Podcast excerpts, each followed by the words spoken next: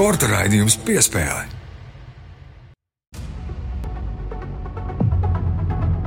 Esiet sveicināti Latvijas radio pirmā kanāla sporta raidījuma piespēļu klausītāji. Mani sauc Mārtiņš Kļavinieks, un, protams, kā es pie viena mikrofona, kā alažiņa svētdienās, un pie otra mans kolēģis Mārs Bergs. Sveiks, Māri!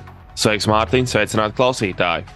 Un šajā svētdienā runāsim par sporta veidu, kas Redījumā piespēle gadu gaitā ir pavīdējis, bet arī tikai ļoti epizodiski šis sporta veids pārņems šo raidījumu, jo būs gan viesis eh, lielajā intervijā par šo sporta veidu sīk un smalki stāstīs.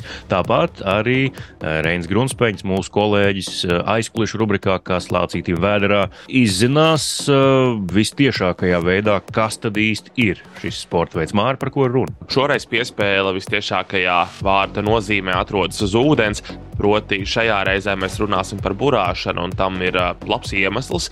Proti, pagājušajā nedēļā, tad būtībā pirms nedēļas noslēdzās lielākais starptautiskais burāšanas pasākums Latvijā - Rīgas jūras līča regate.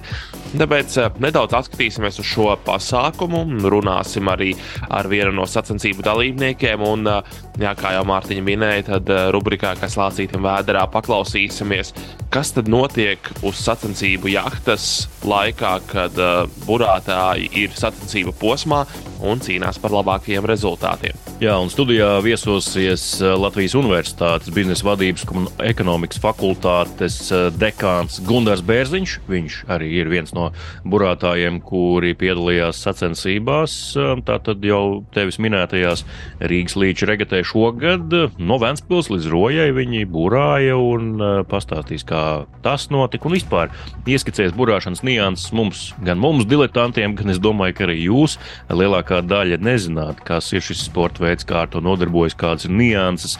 Līdz ar to būs ļoti interesanti. Un uh, tad jau tuliņi ķeramies klāt. Bet, protams, tradicionāli nelaužam tradīcijas, kā allažiņu katru mm, svētdienu. Kā vienmēr, katru svētdienu sāksim ar iknedēļas uh, spilgtāko notikumu topu. Tas jau tūlīt pēc pavisam īsā telpas mirkļa.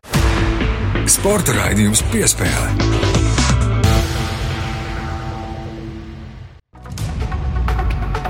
Svētdiena Latvijas radio pirmais kanāls un sākam nedēļas spilgtāko notikumu topu ar Wimbledonas tenis turnīru.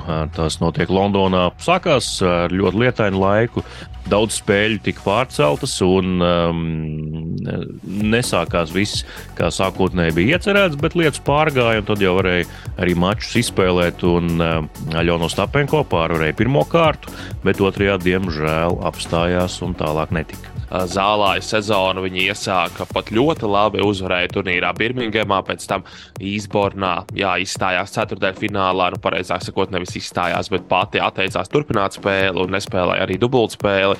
Taču viņas sniegums liecināja par labu formu, labu gatavību, bet, diemžēl, Sorana Kirsteā, rumāņu tenisiste, apturēja viņu jau vienu spēļu otrajā kārtā. Par to jau tika runāts, ka šī rumāņu tenisiste ir bīstama problēma.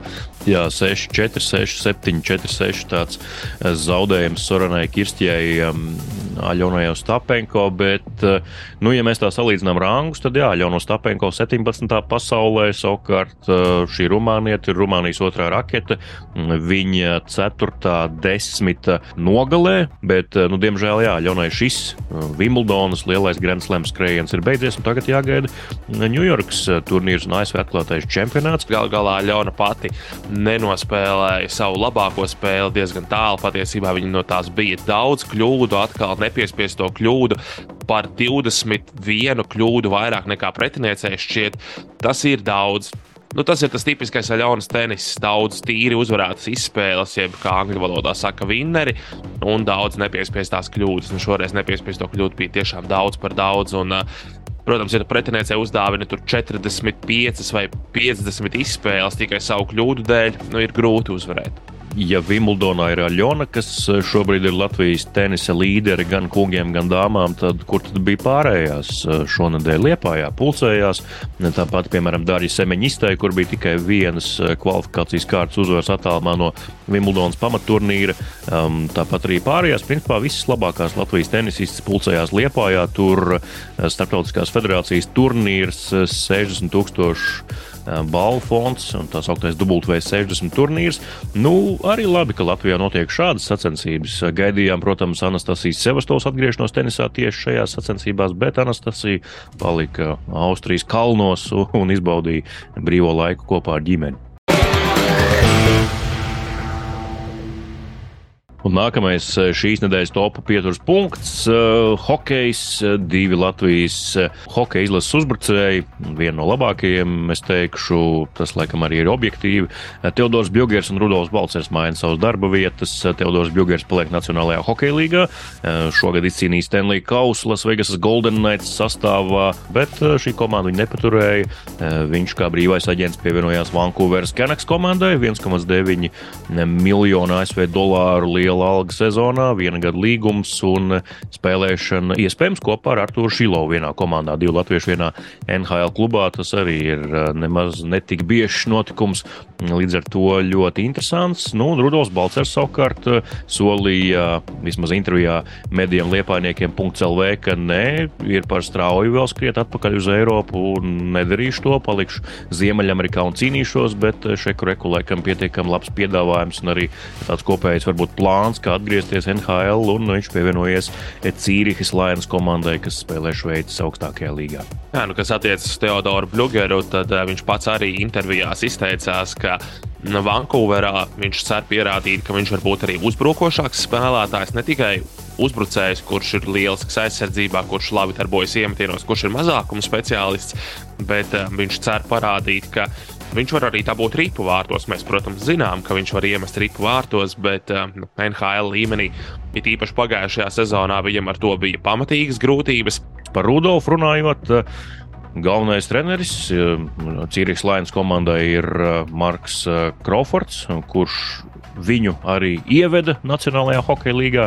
Otavas senators rindās deva viņam spēlēt debijas sezonā. Protams, ka Odios un tāds ekstravagants treneris ir arī šādus tādus sodus izpelnījies NHL un Šveicē par, par visādiem pārkāpumiem, bet nu, hokeja jau saprot un arī spēlētājus, kuriem ir jāspēlē, viņš izprot un tiem arī dod, teiksim tā, violi, ko spēlēt par šo Rudolfa pārēju uz Cīrihas dažādus viedokļus lasīt tīmeklī, gan sociālās saziņas vietnē Twitter, gan arī dažādu tīmekļa vietņu komentāros. Nu, manuprāt, tas nav slikts solis. Pirmkārt, Cīrihas Lions ir ambicioza komanda, tā ir finansiāli spēcīga komanda, lai gan kura komanda Šveicē nav finansiāli spēcīga.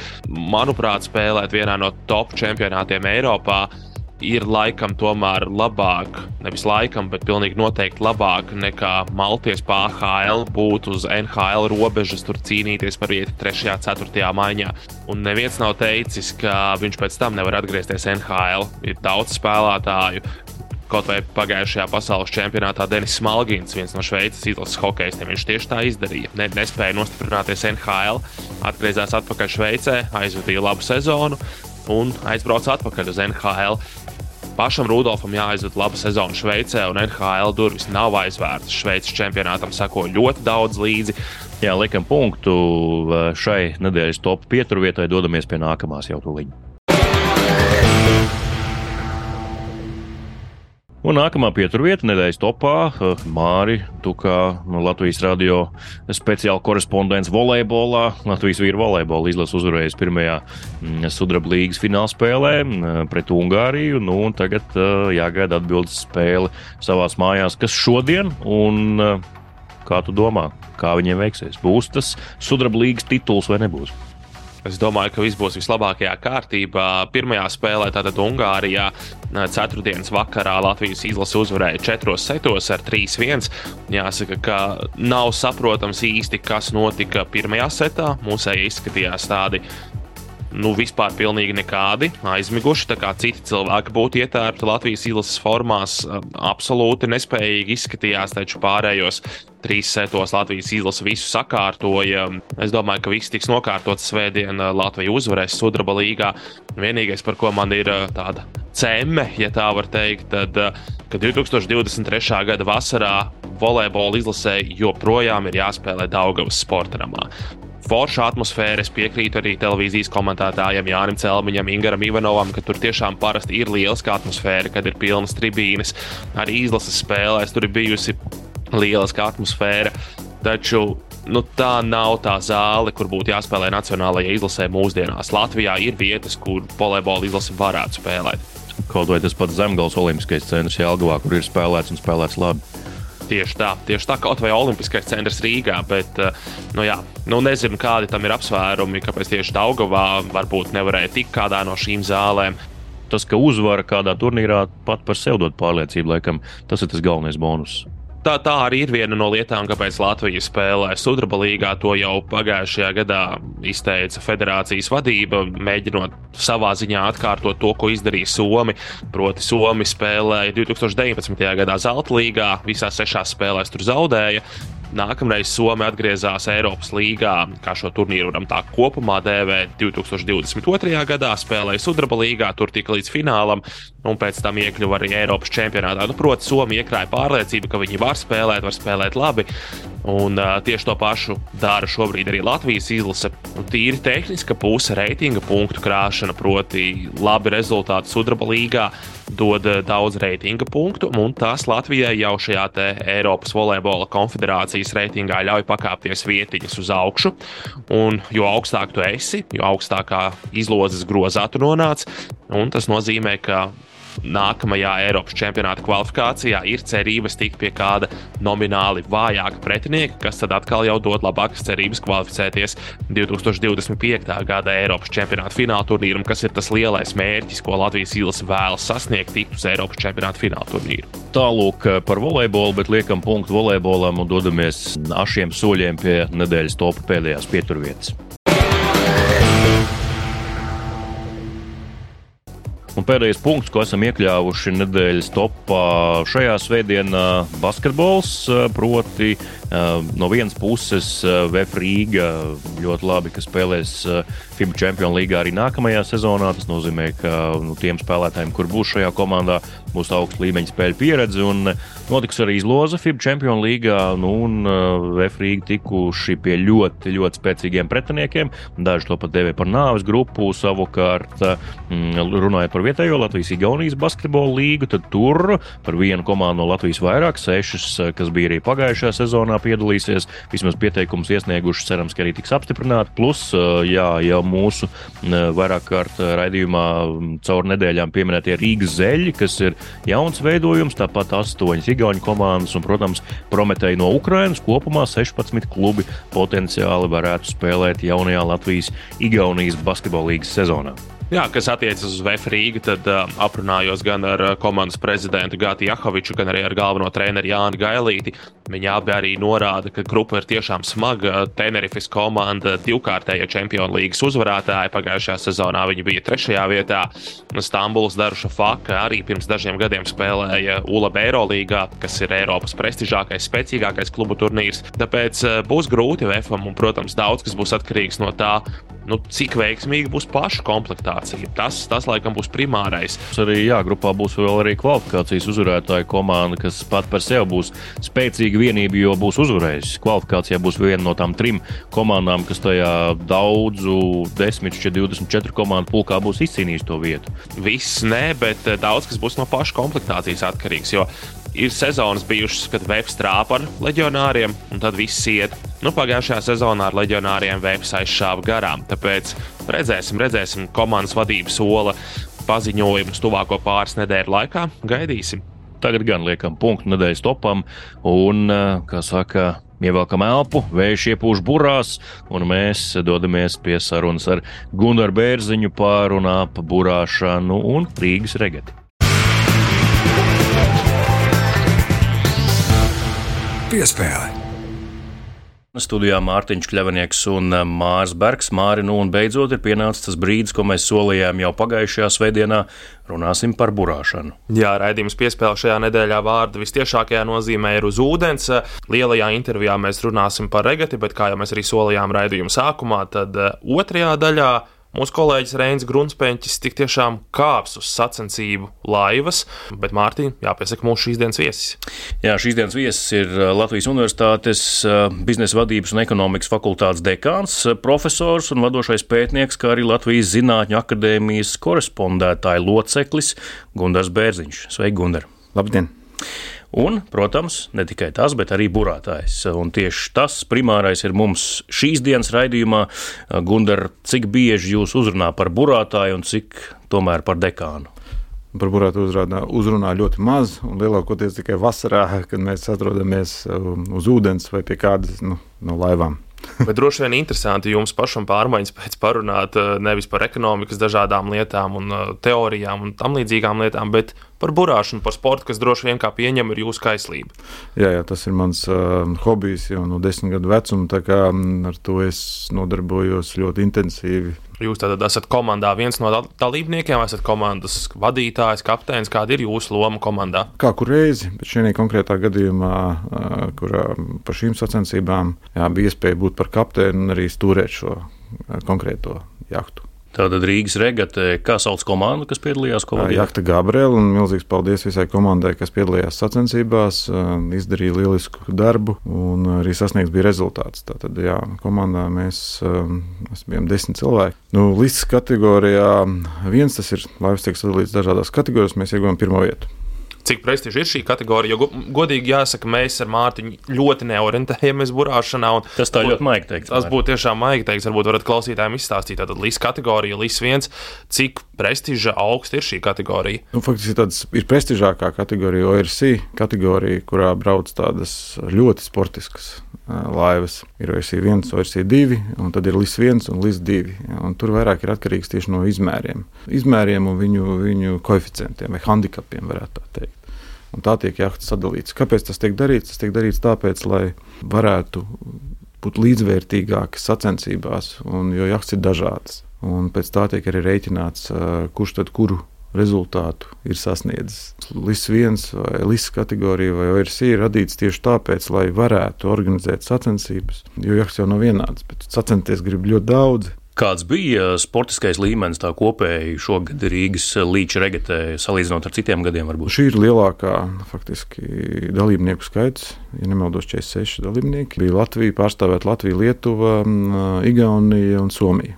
Kas ir labāk? Lielāks handikaps vai mazāks handikaps? Kā tur pareizāk, labāk?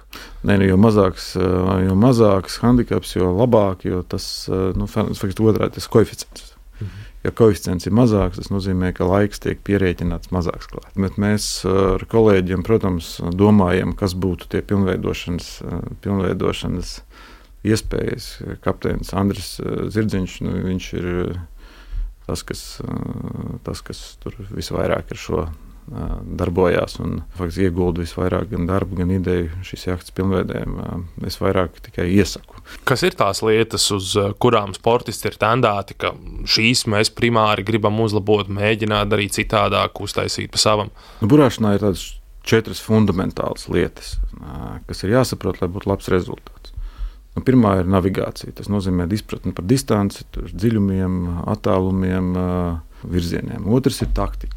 Taktikā ir drusku sarežģītāk. Taktika ir attiecības pret, nu, teiksim, pozicionējums pret vēju, pret potenciālo vēju, pret straumi, viļņiem, konkurentiem, sākot no pirmsstarta līdz finišam. Tas viss ir jāņem vērā. Tā ir tā taktika, kā tu pozicionējies. Trešā lieta ir, cik maz kļūdas tiek pielaistas un operatīvi darbojamies uz laivas nu, ko mēs tur, tur ir ļoti svarīga komanda, vai mēs visu izdarām pareizi un ātri. Un ceturtā lieta um, ir jahts ātrums. Un tas ir tas, kā mēs panākam maksimālu ātrumu, burājot uh, pie dažādiem laika apstākļiem, dažādiem viļņu lielumiem, vēja virzieniem, visu laiku braukt ar maksimāli iespējamo ātrumu, kāds ir jachtā iespējams.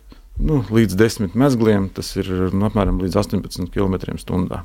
Nu, teiksim, šī konkrētā, bet ir tādas, kas var pabraukt mūsdienās jau arī pie 90, 80, 90. tās uz spārniem, kas brauc un piedalās Amerikas kausā.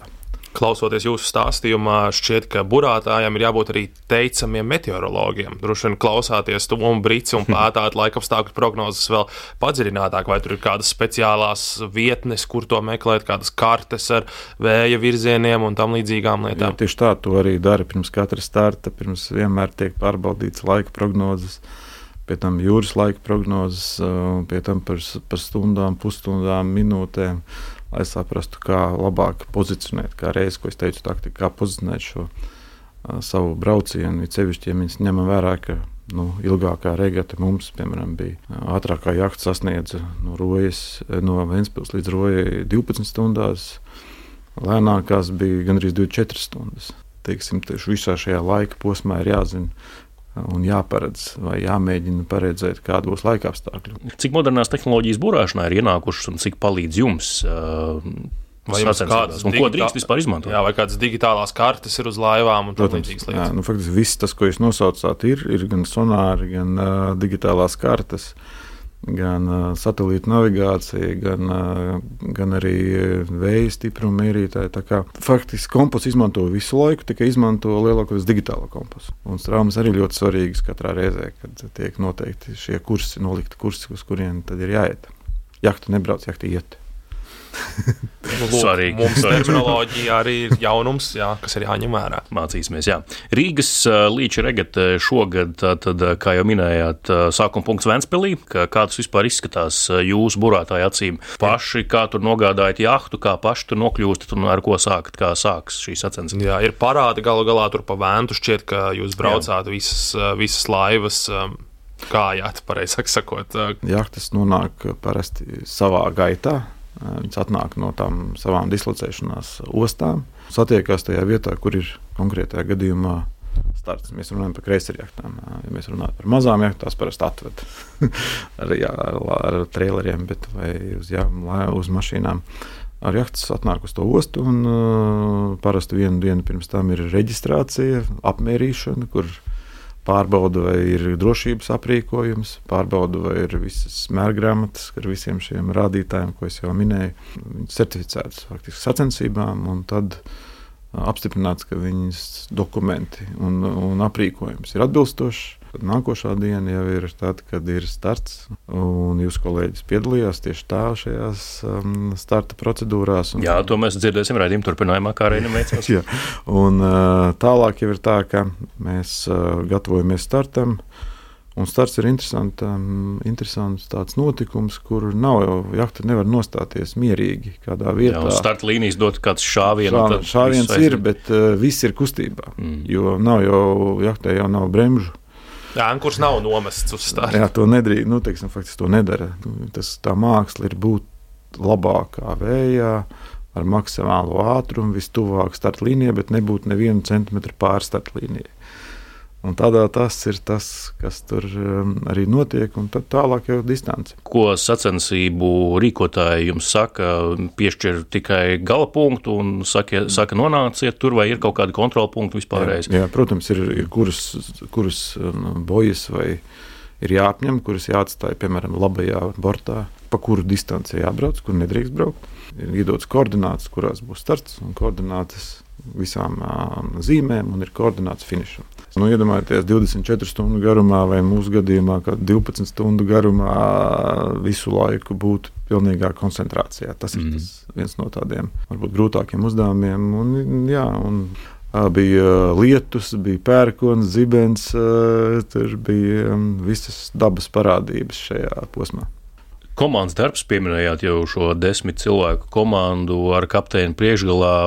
Kā notiek tā sadarbība? Mm, skaidrs, ka katrs zina savu uzdevumu, kas kuram ir jādara, bet jums droši vien vienam otru arī ļoti labi ir jāpazīst, lai saprastos no pusvārdu, jo, kā jau minējāt, nu, jūra kļūdas nepiedod. Jā, varētu teikt, ka burāšana uzvar tas, kurš pieļauj vismazāk kļūdu. Tas sadarbības mehānisms ir saistīts ar divām lietām. Faktiski pieredze, ja visi komandas locekļi labāk zina, kas ir burāšana, viņiem ir pieredze, automātiski rīkojās atbilstoši. Un ir komunikācija, protams, par pagriezieniem, tā ir ļoti svarīga.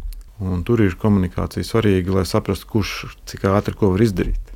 Jo, mm, ja kapteinis vai tas, kas stūrē, redz, ka kāds nav savā pozīcijā vai nespēj izdarīt to, kas viņam ir jādara, no, tad ir ļoti svarīgi pagaidīt, nepagriezt, neizdarīt šo manevru, kamēr cilvēks nav gatavs. Tur ir šī izpratne un pārzināšana. Kapteiņa teiktajam uz uh, laivas kāds var iebilst un teikt, ka nē, darām citādi, vai ja kapteinis pasaka, tad mēs darām bez jautājumiem.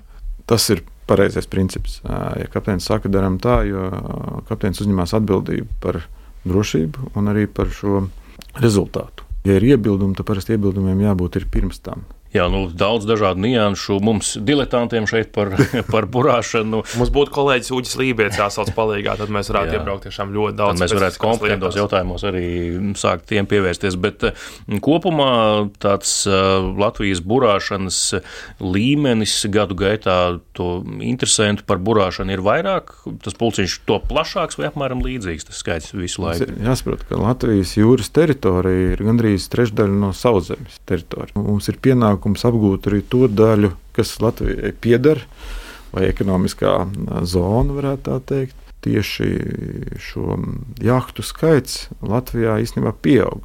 Interesantu skaits pieaug.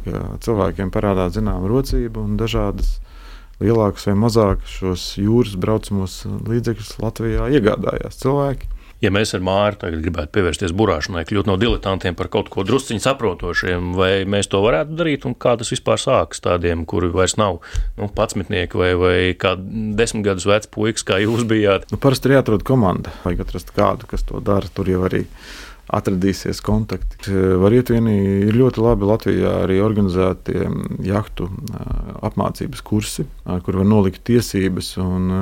Šajā tiesību iegūšanas laikā tiek organizētas parasti braucieni pavasarī, nu, izējot ziemā šo apmācības kursu, noliekot tiesības. Tad daļa no šīm tiesībām ir jūras praksa. Jūras prakse, nu, vismaz es zinu, diezgan daudz tiek organizēta vidusjūrā. Tad, kopā ar nu, nedēļu pavadot vidusjūrā, nobraucot šo nepieciešamo jūras jūdžu skaitu, lai varētu iegūt tiesības. Komandā tad arī tur arī ļoti labi parāda, kā kā iemācīties, parāda dažādas nianses. Ieteikums par īsceļu, kā ja arī jūs, klausītāji, domājat par to, ka varētu sākt burāt un vai ieinteresējāmies ar šo Jā. sarunu un arī ar to, kas sekos tālāk. Paldies Gundaram Bērziņam, burātājiem un arī Latvijas Universitātes biznesa vadības ekonomikas fakultātes dekānam. Paldies, ka atnācāt pastāstīt par burāšanu, lai veicas šajā nozarē, lai vējš vienmēr pūš burās un ne tikai tur, protams, arī jūsu profesionālajā darbībā, lai viss sokas. Paldies! Jā, paldies, paldies ka atnācāt. Vislabāk! Vislabāk! Piespēle!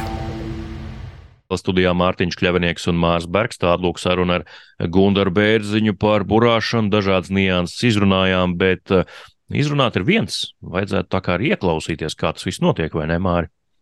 Vajadzētu gan, un par to ir parūpējies mūsu kolēģis Reinis Grunspeņķis, kurš devās uz roju un uh, Rīgas regatas laikā kāpa arī uz vienas no sacensību laivām. Jāsaka, godīgi, es uh, noņemu cepuri Rēņa priekšā par drosmu uzkāpt uz šīs sacensību laivas. Klausāmies, kā tad Rēnim gāja uz šīs sacensību jahtas un kā tas viss notiek sacensību laikā, kad burātāji sacenšas par labāko rezultātu.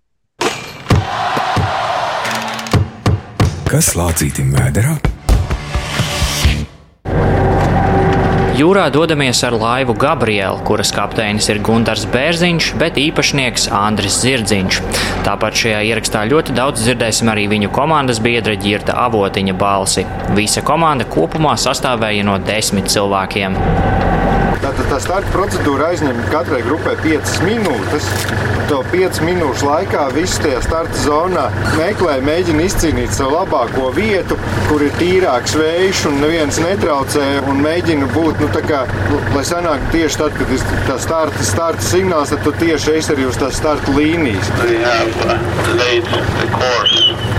Been marked for wind direction 40 degrees magnetic galvenais sacensību tiesnesis un viņa sekretāri par rāciju ir visiem paziņotais kanāls, kas ir oficiālais rācijas kanāls, pa kuru paziņo šo no operatīvo informāciju, kas ir vajadzīga. Signal. Five, four, three, two, one.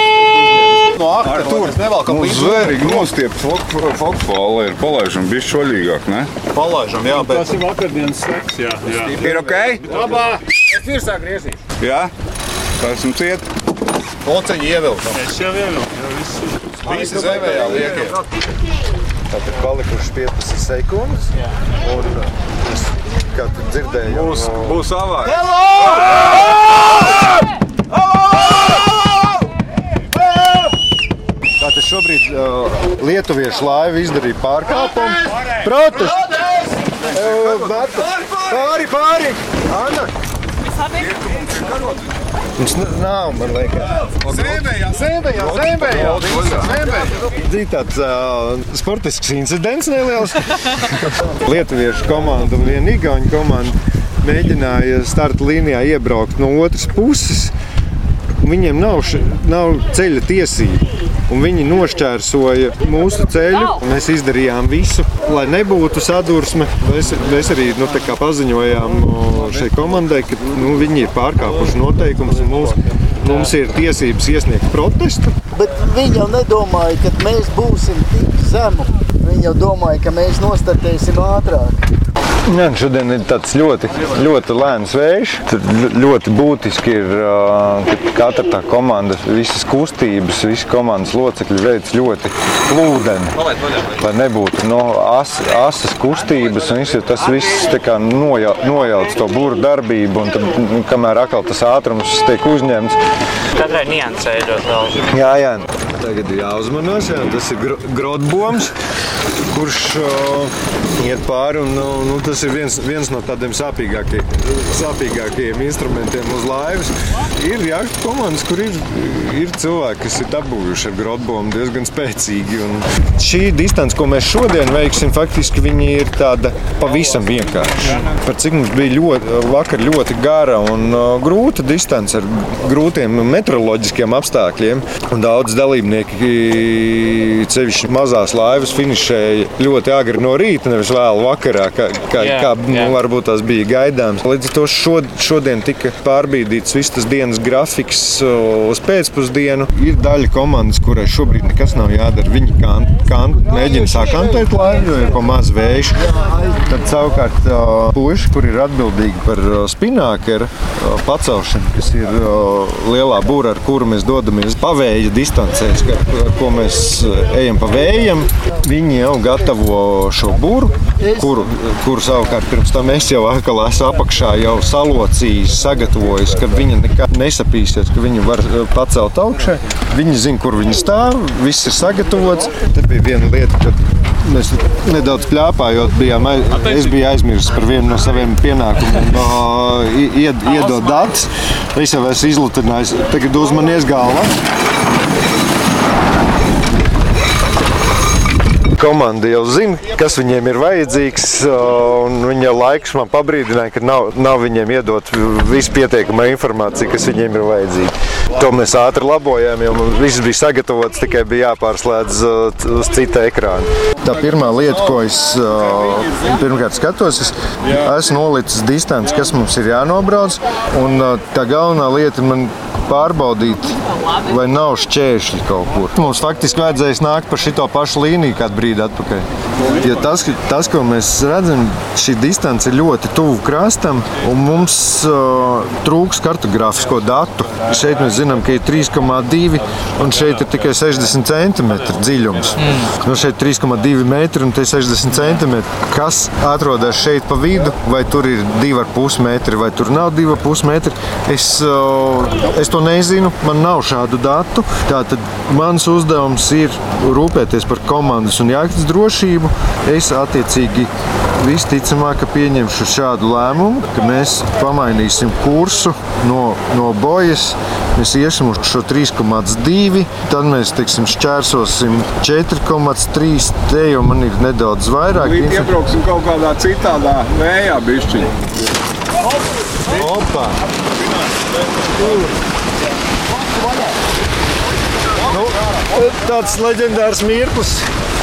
Spinākers ir pa galam. Tagad tā patur šito. Foka virsvēja, šoti, virsvēja, šoti. Šito te gan izdaram, lai mēs vēl nepaliekam bez foka kādu mirkli. Tagad uh, teksta uzdevums. Cik sekundes tas bija? Kad viņš saplīs, cik ātri viņš ir? Jā, nu, burātāja aprindās ir tāds teiciens, ka uh, spināka ir plīsta ar ātrumu 2500 eiro sekundē. Tas, protams, mums ir ļoti liels zaudējums, kas šobrīd, šobrīd notika. Jo faktiski tālākā cīņa mums nav rezerves spinākera. Spinākers nav tā lieta, ko var ieiet veikalā un nopirkt. Viņš ir jāpasūta kon konkrētai laivai pēc konkrētiem izmēriem un uh, viss pārējais. Šī mazā laiva, kas mums patās, ir nedaudz aiz mums. Es jau šobrīd varu teikt, ka nu, mēs viņiem esam zaudējuši. Tātad pirma, pirmā vieta nebūs mums. Mēs slīdam ar katru, ar katru minūti. Mēs tajā rezultātu tabulās šobrīd slīdam uz leju. Tas ir tikai tāpēc, ka mums nav šīs vienas būras. Mēs Bišķiņ bijām nonākuši uz kaut kāda akmeņa, kurš tur nav. Pī, pī, pī, pī, pī. Nu, mēs viņu neaizķērām, bet. Tas gan vēl būtu kaut kas.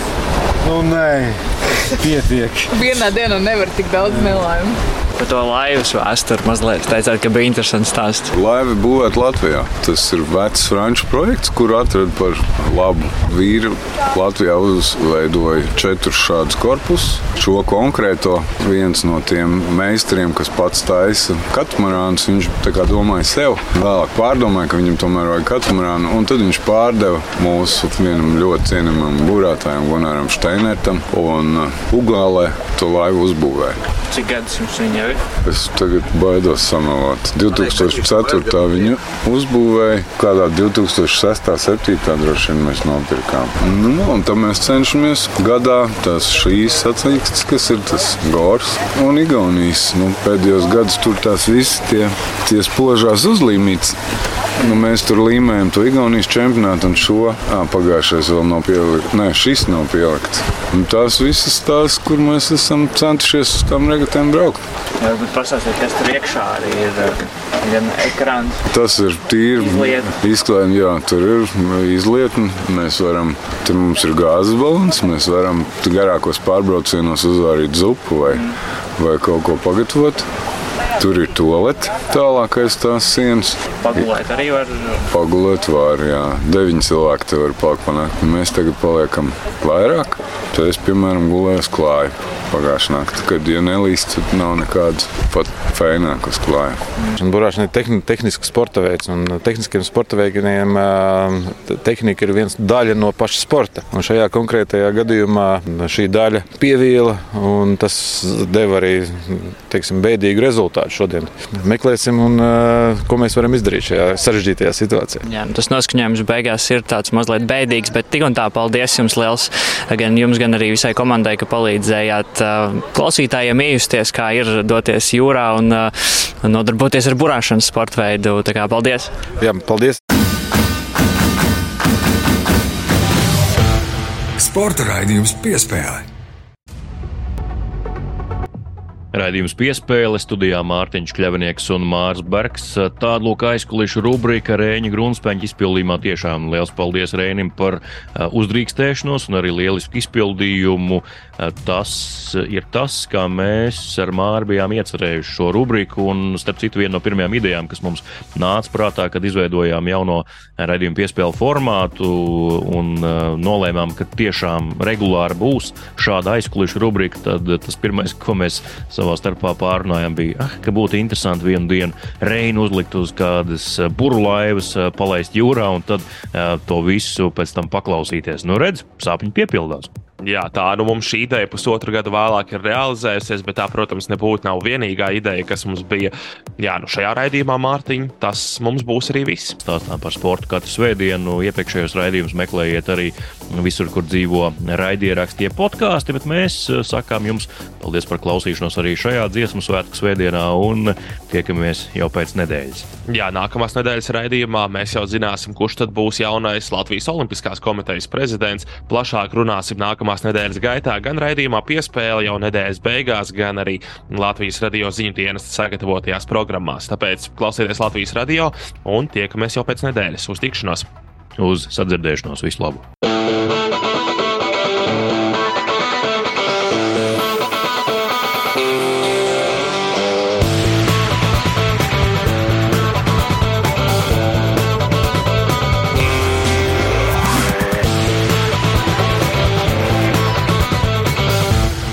Sporta raidījums piespēlē.